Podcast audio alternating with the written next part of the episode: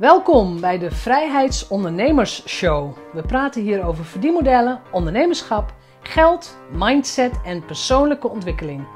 Ik ben jouw host, Jeanette Badhoorn, bedenker van het merk Vrijheidsondernemers, auteur, organisator van de Transatlantische Ondernemerscruise en online pionier. Welkom bij aflevering 76 en vandaag praat ik met Percy van der Werven.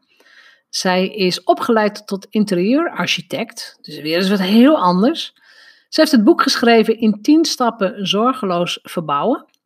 Uh, sowieso nuttig boek. Als je iets met je huis van plan bent, dan moet je dat boek doornemen. Daar gaan we het ook over hebben.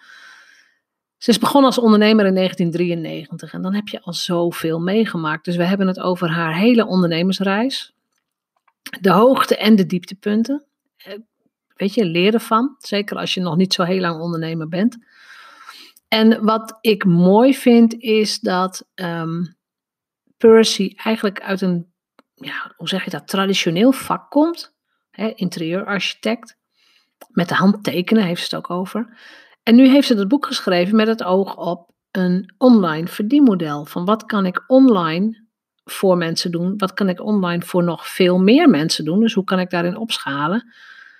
Dus leeftijd speelt geen rol. Het gaat om doorzettingsvermogen, het gaat om de drive, het gaat om dingen aanpakken. Het gaat om de goede coach vinden, ook heel erg belangrijk. En daar praten we over. Dus veel plezier met dit gesprek. Vandaag praat ik met Percy van de Werven over een onderwerp waar ik wel ervaring mee heb, maar eigenlijk veel te weinig van weet, namelijk over het verbouwen van je huis. Je hebt een boek geschreven in 10 stappen zorgeloos verbouwen. We gaan het zeker over het boek hebben, hè? want die titel Zorgeloos en verbouwen in één zin, nou, dat past al bijna niet. Maar ik wil het eerst graag eens hebben over wie is Percy als ondernemer. Kun je een, vertellen wanneer je bent begonnen als ondernemer, wat voor soort bedrijf je hebt en wat jou drijft om, ja, om gewoon lekker ondernemer te blijven? Ja, ik ben in 92, nee, 93 begonnen toen ik uh, een tweeling kreeg. En ik niet parttime in mijn uh, baan kon blijven werken. En toen dacht ik van ja, ik heb ook voor dit beroep gekozen om dat als ondernemer uit te kunnen voeren. Dus dit is de time to be. En toen ben ik ja. uh, begonnen. En wat is het beroep wat je toen had? Uh, ik was als interieurarchitect werkte ik bij Arend, uh, projectinrichting. En ik had hele mooie projecten. Dus de noodzaak was er voor mij niet echt op dat moment om weg te gaan. Maar ja, nee. uh, het lot bepaalde anders. Het was nog een hele mannencultuur. En ja, mijn baas zei, ga maar lekker spelen met de kinderen in de tuin. Ja, niet dus. Deed ik ook wel, maar ik wilde ook wel gewoon blijven werken. Ja. En toen ben ik voor mezelf begonnen. En uh, ja, dat is eigenlijk ook meteen goed, uh, goed gegaan. Lekker ja, dan, hebben, dan hebben we het nog maar over 30 jaar geleden. Hoe die cultuur ja. toen eigenlijk ook nog steeds gericht was op, nou ja, uh, of je doet het volgens onze normen, hè, dus je blijft fulltime werken enzovoort. Of je, nou ja, je speelt maar een beetje in de marge, dat idee. Ja. Heb je dat gemerkt toen jij je bedrijf opzette? Heb je, heb je daar vooroordelen gemerkt? Of heb je of Om voor jezelf te beginnen als vrouw met kinderen, bedoel je? Ja, dat nee, bedoel ik. helemaal niet. Nee. Uh, ik had de opvang wel heel goed geregeld. En uh, ja, ik kon eigenlijk uh, makkelijk met mensen afspreken. En over het algemeen gebeurt dat toch wel s'avonds of in het weekend, hè, op zaterdag. Uh, als mensen beiden thuis zijn, want je wilt toch graag beide partners spreken als je voor een gezin gaat verbouwen bijvoorbeeld. Ja. Ja. Uh, dus ja, ja, dan zijn ze toch, uh, is dat meestal op een avond of een, uh, op een zaterdag aangewezen om ze beiden te kunnen spreken. Tenzij het ook ondernemers zijn en dan kun je gewoon overdag afspreken. Ja. dus ja, dat kwam ook heel goed uit. Ik werkte toen een tijd ja. ook heel veel s'avonds, zeg maar. En, en ook wel in het weekend. Dus ik verspreidde dat een beetje. Ja. ja, dat was natuurlijk op dat moment weer wel te combineren met... Ja voor, ja, voor mezelf kon ik het zelf helemaal indelen zoals ik zelf wilde. Dus uh, dat was gewoon ja, echt een uitkomst. Ja. Dat is voor mij een van de kenmerken van vrijheidsondernemer zijn. Hè? Ja. Werk waar, wanneer en met wie je wilt. En vooral dat, dat waar en wanneer is heel erg belangrijk. Voor, ja. vind ik. Voor, voor mij, maar voor jou dus ook. Uh, hoe heb jij je bedrijf opgebouwd in de eerste 10, 15 jaren? Nou, ik heb dus uh, zeg maar anderhalf jaar ongeveer echt alleen voor mezelf gewerkt. En toen ben ik een samenwerking aangegaan met een winkel uh, in Hilversum. En uh, ja, ik werkte gewoon nog vanuit huis en samen gingen we op pad naar, naar opdrachtgevers. En uiteindelijk is dat uitgegroeid tot een bedrijf van 20 man toen ik daar wegging. En uh, nou ik had inmiddels uh, nog een derde kind erbij. En uh, ja, ik was altijd aan het rennen, aan het vliegen. En ik voelde ja. me ook heel verantwoordelijk ook voor dat bedrijf. En ehm, ja, dat is uiteindelijk me niet in de koude kleren gaan zitten. Dus toen ben ik heel erg ziek geworden. En ehm, ja, eigenlijk had ik gewoon al eerder op moeten stappen. Maar ja, ik ja. had natuurlijk al die jaren heel veel opgebouwd. Dus dat vond ik ook weer zonde. En ja. ja, toen greep mijn lichaam gewoon in. En uiteindelijk ben ik weer helemaal opnieuw voor mezelf begonnen. En ja, en toen had ik echt ook dat vrijheidsgevoel van uh, hè, zelf heel je dag weer inleven en geen personeel. En uh, ik vond dat echt heerlijk. Ja. Het is wel interessant wat je zegt, hè? Van, um, want die ambitie en die drive, die heb je. Um, personeel, hè, bedrijf opgebouwd, 20 man personeel. En ergens gaat er dan toch, in dit geval zet je lichaam de knop om, maar er gaat toch een knop om van dit geeft mij geen vrijheid. Nee, Nee. nee. je voelt je toch verantwoordelijk. En, uh, en we, ja, we hadden ook wel heel fijn personeel. Dus uh, iedereen werkte ook. Uh, die, ze zeiden van ja, mhm. jullie werken ook allemaal hard. Dus waarom doen wij het niet? Hè? Wij doen net zo goed mee. Dus we hadden ook een hele goede sfeer. Maar op zich, op een gegeven moment had ik een aantal partners. Ja, we, en de lijnen liepen uit elkaar. Toen wij met z'n tienen waren, zei ik van nou, ik vind het wel mooi zo. laten we het op dit niveau houden. Maar de, ja mijn mannelijke partners die wilden gewoon verder groeien. En uh, ja, toen kwam er nog weer een crisis overheen. En, uh, weet je? Dus ik had echt zoiets van, nou, toen we tien waren, liep het allemaal uh, voorbeeldig, zeg maar. En iedereen had ook nog wat bepaalde rust toch. En op een gegeven moment wordt het, groeit het zo groot. En inmiddels zijn ze nog groter gegroeid. het bedrijf is nu in drieën gedeeld eigenlijk. Uh, en ik, ik ben de enige die nou uh, gewoon zelfstandig uh, hè, in, in ja. doet. Ja, en de anderen zijn gewoon... Toch wel. Het is wel mooi om te beseffen dat dat, dat bedrijf in elk geval nog bestaat. Hè? Je hebt aan de ja. wieg gestaan van iets wat er nu ja. nog steeds is. Ja. En, en je bent ook zo ja, verstandig, eigenwijs, weet ik veel hoe je het wil noemen. Je bent er gewoon uitgestapt. Uit een gespreid bedje misschien. uit een veilige situatie. Ik weet het niet of dat zo was. Maar dan ben je, hoe lang was je toen bezig, toen je weer helemaal opnieuw moest beginnen? Toen was je al tien jaar? Toen was ik al uh, ja, ruim twintig jaar ongeveer, ruim twintig jaar. Ja. Ja, toen was je al twintig jaar ondernemer? Nee, al uh, uh, nou, iets meer, 22. Ja. ja. ja. En, dan, en dan zit je ineens, zo stel ik me dat voor, hè, in je eigen werkkamer. Eigenlijk begint het dan weer op nul, of heb ik ja. het mis? Ja, nou ja, je moet wel weer. Ik heb natuurlijk wel heel veel relaties. En ik heb oude relaties uh, van projecten die ik zeg maar nou, bijna ook in mijn eentje draaide toen. Uh, die heb ik gewoon ook weer aangeschreven. En uh, daar ben ik gewoon verder weer mee gaan groeien, zeg maar. Ja. ja. En ja, een goede website opzetten weer opnieuw. En, en dan op die manier klanten binnenkrijgen. Ja. En omdat je alleen bent, is je personal brand ook veel belangrijker.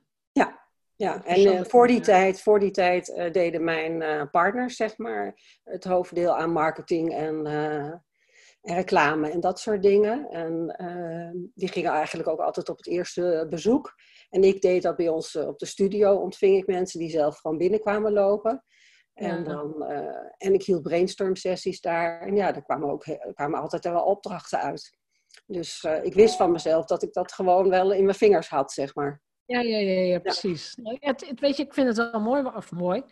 Het is voor iedereen die luistert ook heel belangrijk om te beseffen dat het, het ook het ondernemerschap, het zijn pieken en dalen, het zijn golven. Ja. Dus de ene keer stap je in een samenwerking, gaat heel goed, je golft, hè, je gaat een tijdje mee op die golf. En dan ineens pak jij een andere golf en je zegt, ik ga nu weer alleen. Uh, je ja. hebt het over, over crisis. Nou, waarschijnlijk heb je al minimaal drie keer een crisis meegemaakt? Ja, ja, ja, ja. Ja, en in mijn vak is het wel zo dat uh, mensen verbouwen hun huis. Uh, en dat gebeurt zowel in uh, hoogconjunctuur als in laagconjunctuur.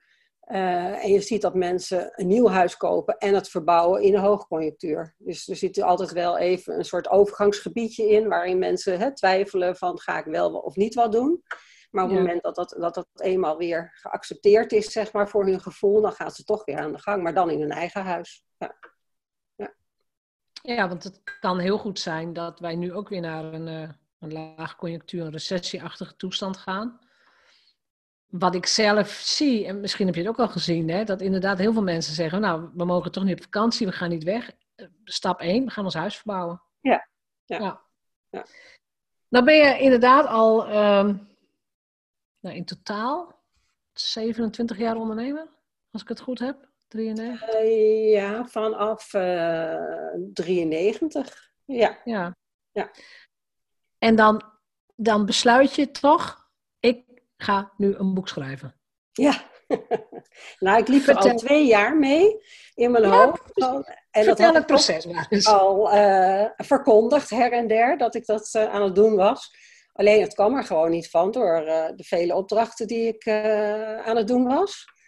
En ook uh, ben heel veel aan het sporten. Dus ik, ik, had een hele goede balans tussen werken en, en vrije tijd, zeg maar. En ja, ja. Dat, dat, werkte fantastisch. totdat ik, ik was al een keer bij Daisy, de uitgeefster, aan een brainstormdag meegedaan. Om je blauwdruk voor je boek te maken. Ja, en toen zag ik afgelopen december van haar weer een promotie voorbij komen. En ik denk, ja, nu ga ik het doen. dus toen heb ik ingeschreven. En uh, ja, toen is het in zes weken geboren, zeg maar. Ja. ja, ik vind het wel mooi. Het proces om een boek te schrijven, vaak begint dat inderdaad al een één, twee, soms wel veel meer jaren eerder.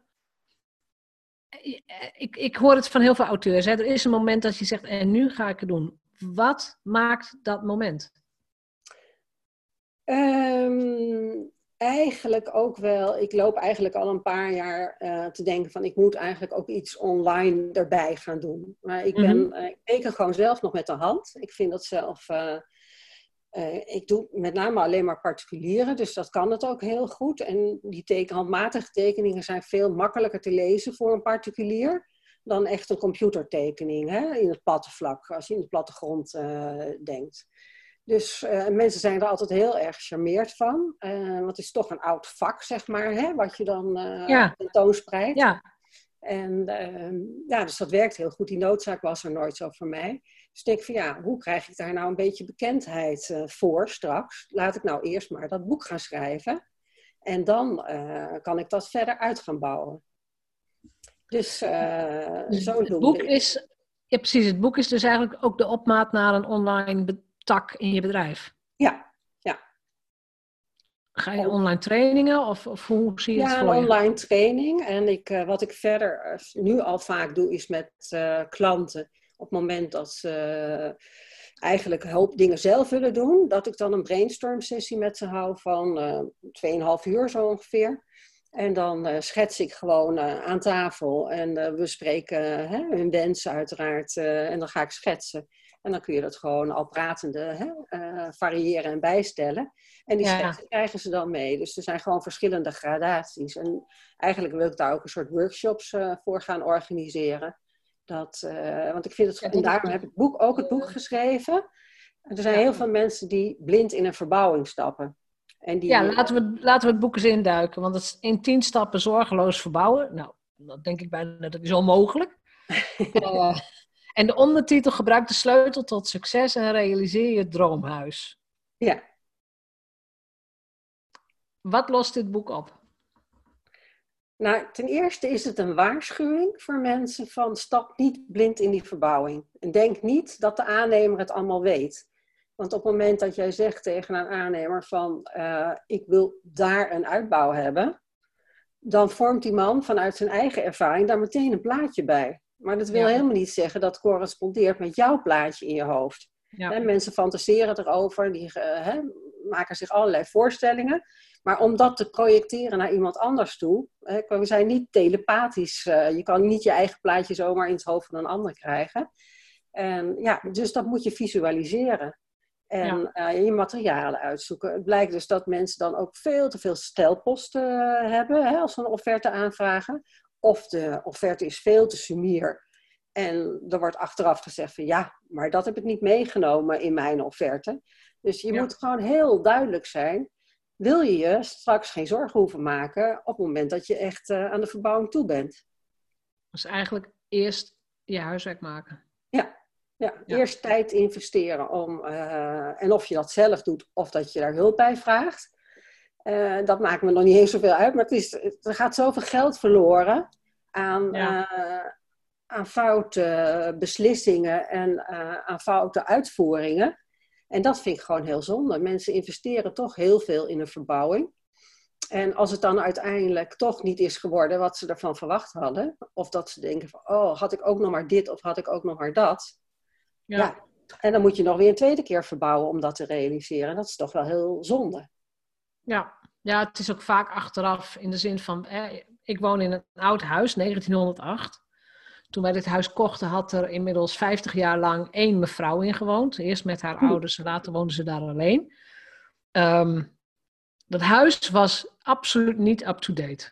Gewoon niet. En toen hadden wij, we hadden wel een bepaald budget voor de verbouwing, maar een heel groot deel van dat budget werd al opgeslurpt door um, er moet een nieuw dak op.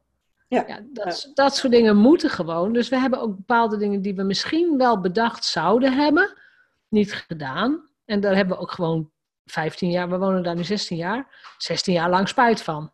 Ja. Weet je, één badkamer in plaats van twee. Hè? We hebben drie, drie kinderen. Dus op een gegeven moment, zeker toen ze echt aan het puberen waren en zo, dat, is, ja, dat was zo frustrerend dat er gewoon maar één douche en één toilet boven was.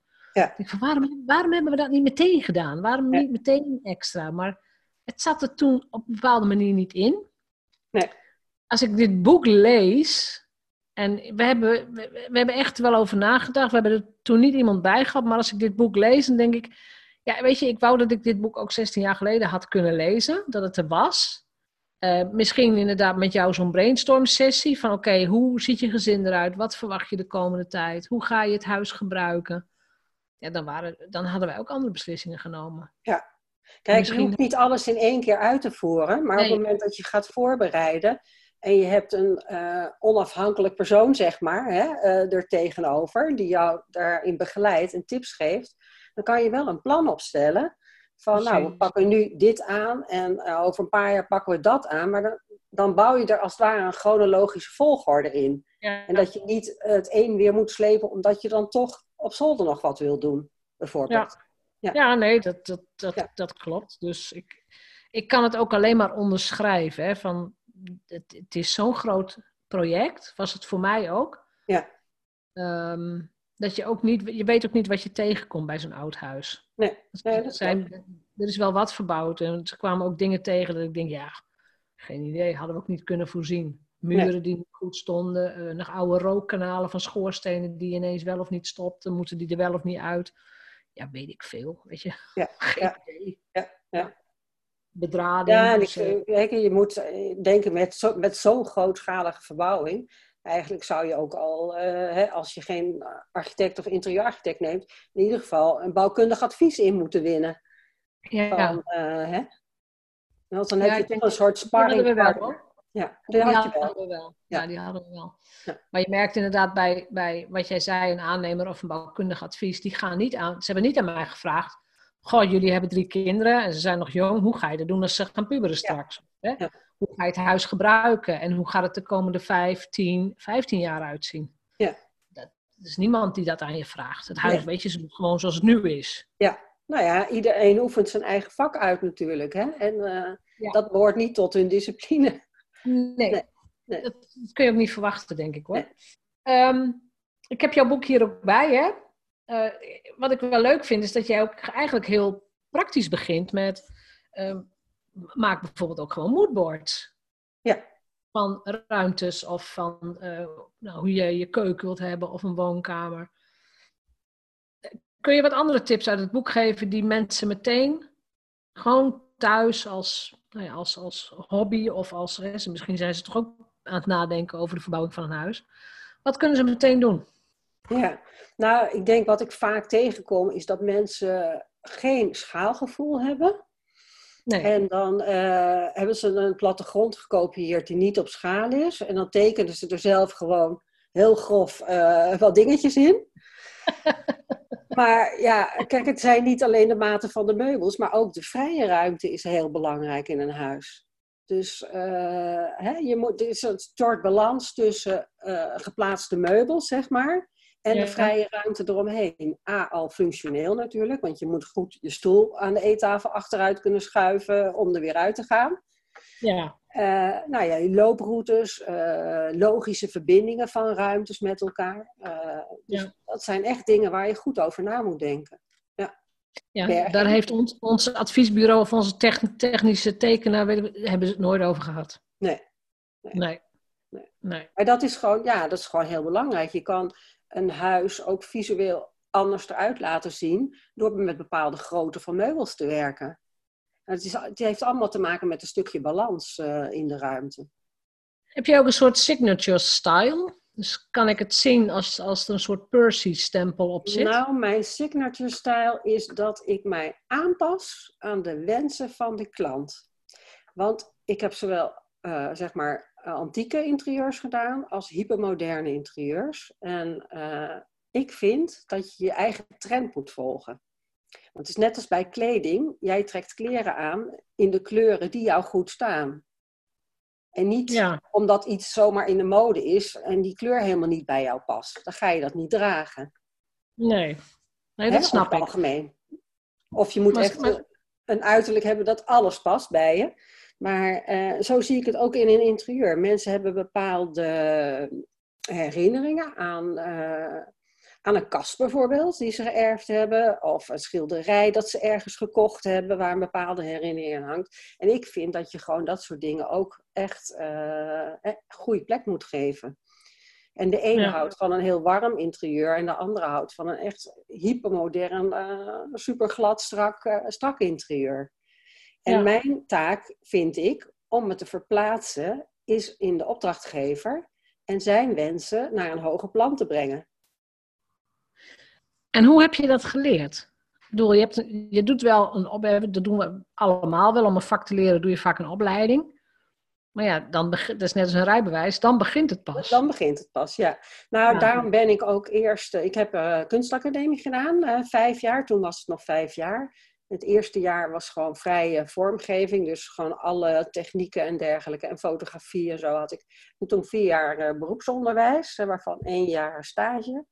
Nou, toen was ik klaar. En ehm, ja, dan, dan begint het pas. Want je leert geen offertes maken. En hoe het is echt alleen maar op het ontwerp uh, gericht.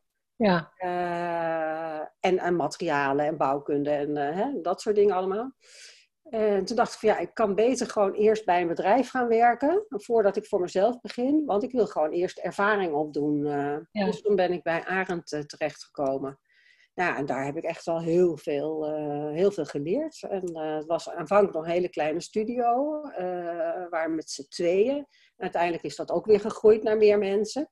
Dus toen was ik ja, daar hoofd van de studio. En ja, ik had eigenlijk wel alle vrijheid om dingen te doen en te ontwikkelen.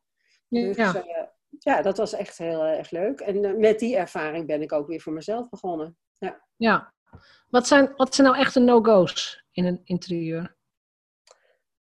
Wat moet je echt gewoon nooit doen? Nou, ik vind uh, een no-go vind ik om het te vol te maken.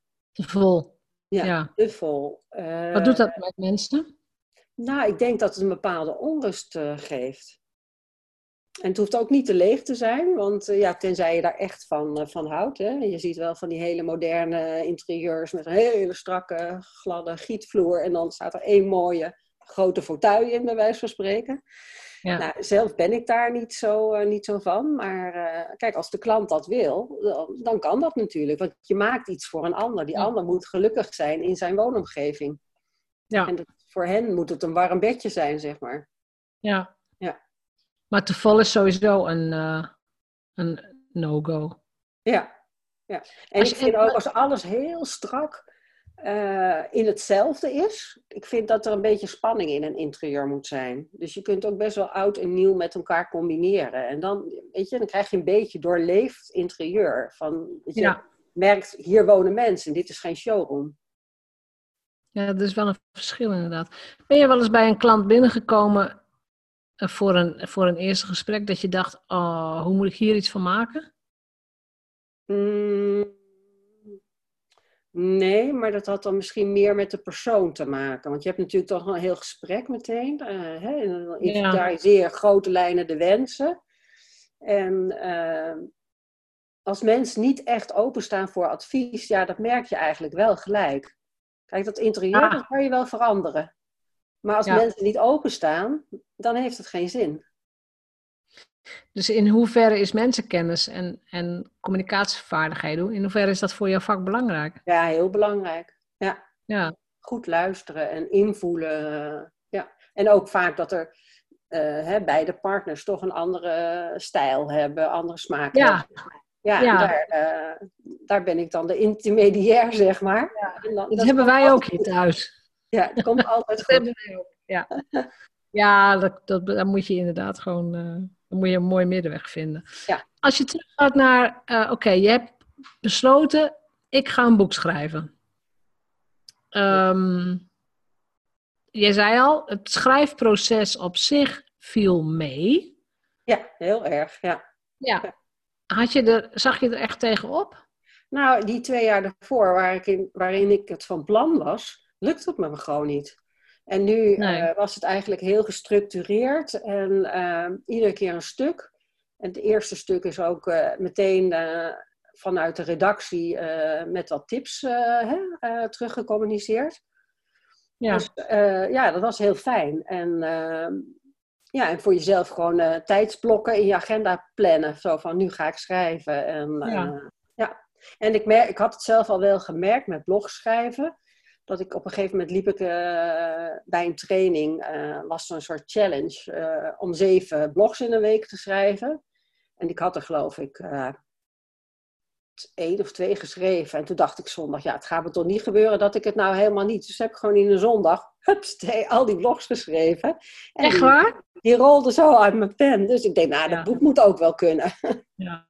Ja. Nou ja, dat heeft ook wel, dat is wel mooi dat je dat zegt. Het heeft natuurlijk wel met, het heeft met commitment te maken. Hè, van ik, ik, heb mezelf, ik heb met mezelf afgesproken dat ik dit doe.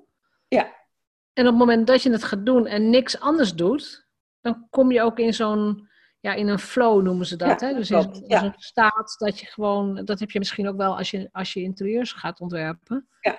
Maar, ja, kun je dat eens beschrijven, hoe dat gaat met het schrijven? Hoe, hoe zorgde jij ervoor dat dat wat in je hoofd zat, ook echt op papier kwam? Nou ja, of in, in de computer in dit geval, maar dat het echt zichtbaar werd. Um, ja, gewoon per onderwerp. Uh, gewoon, ja, ik begon gewoon. En, uh, en dan, je moet niet corrigeren terwijl je aan het schrijven bent, maar gewoon uh, daarna. Goed advies. Ja. Heel goed advies, ja. Ja, ja. En ja, het beste is nog om de corrector en zo, dat soort dingen allemaal uit te zetten. Dat je niet afgeleid wordt door rode streepjes en dingetjes. Klopt. En ja, en dan loopt het wel. Ja. En je moet, ik denk, ook uitkijken dat je dan niet te veel gaat corrigeren. Van op het moment dat je in zo'n flow zit. En ja, ik heb natuurlijk zoveel werkervaring. Dat je, ja, je eigenlijk wel weet wat je wil schrijven. Alleen, ja, ja was, was je dat moet meteen het behapbaar en begrijpbaar maken voor de lezer. Ja, maar was, was voor jou meteen duidelijk, omdat het is een tien stappenboek, wat zijn mijn tien stappen? Had je die snel te pakken? Nou, het grappige is dat ik al, ik heb eerst aanvankelijk een e-book gehad van uh, zeven stappen. Ja. En uh, ik heb dit nu gewoon iets verder opgesplitst, zeg maar. Want uh, je kunt natuurlijk het uitwerkingsproces, je hebt een schetsontwerpfase en dan een definitieve fase dan krijg je eigenlijk een uitwerkingsfase. Maar in die uitwerkingsfase zit zoveel. Ja. Hè, want je hebt bouwkundige uitwerking, maar ook je elektra en verlichting, uh, ja. meubelmaatwerk, uh, bouwkundige zaken. Dus die heb ik allemaal apart opgesplitst en zo kwam ik dan tot die tien stappen. Ja, ja, ja dat was dan het. Ja, ik snap wat je zegt. Hè. Als je zoveel werkervaring hebt, dan zit je zo in de materie dat je heel makkelijk kunt bepalen: dit komt er wel in en dit gaat er niet in. Ja, ja. ja. ja. En um, dus het schrijven zelf, wat je zegt, afleiding uit, tijdblokken, uh, goede, uh, ondersteuning he hebben, dus een coach of een uh, structuur of wat dan ook, goede redacteur. Dat, dat, zijn sowieso adviezen, ik onderstreep ze ook helemaal. dan stuur je het in, hè, dat manuscript, en je krijgt het nog een keer terug, het moet weer gecorrigeerd worden. Maar dan komt er een dag dat er dozen bij je thuis worden bezorgd met je eigen boek. Ja, dat was heel erg leuk. Ik heb ja, vertel. schoon gecharterd om, die, uh, om naar huis te komen. En uh, die heeft toen filmpjes en foto's gemaakt. Uh, en ik ben in de vrachtauto mee de boeken gaan halen. Ja. De zorger die vond het allemaal wel wat komisch. Hij zegt, is dat de eerste keer voor je? Ik zei, ja, het is de eerste keer. Ja. Dus... Maar het was heel erg leuk. Ja. En toen hebben we nog op mijn kantoor hebben een doos mee naar, of twee dozen mee naar kantoor genomen. En daar uh, die boeken uitgepakt en daar toen nog ook een filmpje gemaakt. En die heb ik als promotie gebruikt om, uh, ja, om het vanaf dat moment te gaan promoten. Ja, want het boek is nog redelijk vers. En wanneer is het uitgekomen? Op uh, 4, nee, ik zeg ik het fout. 21 april. Ja, ik moest weer even nadenken. 21 ja, april, ja. Ja, 2020. Dus dat is, uh, nog, nou ja, dat is nog geen maand oud hè, als wij dit opnemen. Ja. Um, heeft het boek nu al een verandering voor jou betekend in wie jij bent als ondernemer? Uh, nou, ik vind het heel leuk dat ik het heb en dat het geschreven is. En ik hoop er heel veel mensen mee uh, te kunnen helpen. Maar ja, in die zin van ik ben echt anders eh, als ondernemer. Nee, dat, uh, dat voel ik niet zo. Nee? Nee. Ik vind wel een prestatie van mezelf en ik vind het ook heel leuk. En ik heb het ook inderdaad wel op LinkedIn uh, hè, erbij uh, bijgezet en zo. Maar nee, ja. Maar heb je het op LinkedIn bijvoorbeeld als publicatie of staat er ook in jouw kopregel? Nee, ik heb nu ook auteur erbij gezet. Auteur, ja precies. Dat je ook echt auteur bent. Ja, dat is ook zo'n stap. Um, heb je enig idee, ja, dat is natuurlijk nu een beetje koffiedik kijken, hoe dit boek jouw bedrijf gaat beïnvloeden? Um, ik hoop dat, uh, dat het een heel positief uh, vervolg heeft en dat ik ook ja. die online uh, dingen straks er makkelijker mee kan koppelen. Er zit een ja. box aangekoppeld, zodat mensen zelf ook wel wat stappen kunnen nemen. Maar er zijn ja, toch wel een heleboel dingen die, waar je toch wel wat kennis voor nodig hebt. En ja, dit boek is meer om inzicht te geven dan, uh, dan dat het een werkboek is om hè, zelf al die stappen te lopen. Ja, Tenzij want... je dat toch al, al van plan was om dat te doen. En dan, is het, dan telt het meer als waarschuwing. Ja, dan is het, sowieso ja. is het goed om te lezen hoor, vind ik. Ja. Om het in ieder geval door te nemen om, als je iets, iets met je huis wilt. Maar heb je al een hele keten, heb je al een hele funnel uitgebouwd met dit boek? Van ja, nou, voor, voor een deel. En uh, voor een ander deel moet ik dat nog verder uitwerken. Ja, ja. ja. Want ik, ik weet ook inderdaad, op het moment dat je een boek geschreven hebt, nou ja, er kan ook heel veel niet in. Hè, er past heel veel ook niet in een boek. Uh, mensen die het boek gelezen hebben, die hebben toch een bepaalde behoefte. Ja. Dus dan, nou, dan kunnen ze bij jou komen om echt ook, of met online, gaan die workshops straks ook allemaal online, online workshops? Nou, ik denk dat ik die live ook ga geven. En uh, misschien dat ik er dan wat opnames uh, van maak, als mensen dat goed vinden. En, ja. uh, en dan zou ik dat ook, zeg maar, online nog weer kunnen ja. zetten. Ja. ja. ja. Nou ja, ik kan me heel goed voorstellen, als je een boek hebt, kijk, je schrijft niet een boek als een soort hobby, hè? Dus het is heel nee, goed Nee, het is eigenlijk een marketinginstrument natuurlijk. Ja. ja. Het is ook goed om daarover na te denken. Oké, okay, wat, wat gaan we na dit boek doen? En ja ja, hoe, hoe wil ik bekend staan? Heb jij nog een laatste advies voor um, ja, ondernemers die nog niet zo ervaren zijn als jij? Want ik weet dat. In wat voor uh, zin? Om een boek te schrijven, bedoel je? Nou, als ondernemer, als uh, inderdaad een boek schrijven, maar gewoon vanuit jouw levenservaring, van je ondernemerservaring. Er komt misschien een periode aan nu dat, het, nou, dat er een recessie gaat komen. Je hebt al ja. zo vaak dingen meegemaakt. Welk advies zou je mensen mee willen geven? Nou, ik denk dat het heel belangrijk is, tenminste, ik, dat is ook wel een van mijn kernwaarden, uh, om authentiek te blijven. Blijf ja. in alle tijden jezelf. En, uh, want ja. ja. zoals je hè, uh, via het gehoor of via zicht overkomt of in schrift overkomt, dat moet eigenlijk wel op, op elkaar aansluiten. Ja. En daarmee straal je gewoon vertrouwen uit. Op het moment ja. dat daar een kink uh, in komt, dan, uh, ja, dan is het vertrouwen ook gauw weg. Ja. nou, vind ik ook een heel mooi advies inderdaad. Gewoon blijf bij jezelf. Ja. Ehm, ook, ja, in mijn geval ook voor je gezondheid. Was het ook een belangrijke factor. Ja. Blijf trouw aan jezelf. Ja, omdat jij mee hebt gemaakt dat jouw lichaam het niet meer trok. Nee. Bedoel je? Ja. Nou ja, ik moet eerlijk zeggen dat um, het is misschien niet leuk, maar uh, heel veel ondernemers hebben iets meegemaakt. Dus of je het nou een burn-out noemt of, of nou ja, een andere ziekte. Ergens is er op de rem gestaan. Ja. En, waarschuwing. Dan moet je, ook ondernemers eigen om altijd maar door te willen blijven gaan. Ja. En op een gegeven moment uh, ja, is de rek eruit. Dan is de rek eruit. dan, moet je, dan moet je luisteren. Ja. ja. Ja, dus dat, eigenlijk is dat een tweede advies. Luister heel goed naar, naar, je, naar je lichaam, naar je gedachten, naar uh, hoe je ervoor staat, naar je eigen energie. Ja. ja. ja. Nou, vind ik mooie adviezen. Blijf authentiek. Ja. ja, en zorg goed voor jezelf. Mag ik jou daar bedanken voor dit gesprek? Het, um... Ik vond het heel leuk, dankjewel voor jou. Ja, uh, graag gedaan. En deze zomer uh, gaan wij ook. Ja, het is niet zo dat we ons huis groot gaan verbouwen, maar we gaan het in elk geval opknappen. Dus ik ga het boek gewoon toch nog een keer doornemen met, met mijn man erbij. Van oké, wat gaan we wel verbouwen, wat niet. En uh, ja, ik, ik vond het een heel erg makkelijk leesbaar boek. Ik kwam er heel snel doorheen. Heel fijn. Ja. Nou, fijn. Goed gedaan. Ja, dank je. Dank je wel. Dank je. Bedankt voor het luisteren naar de Vrijheidsondernemers Show. Geef de show een review op iTunes.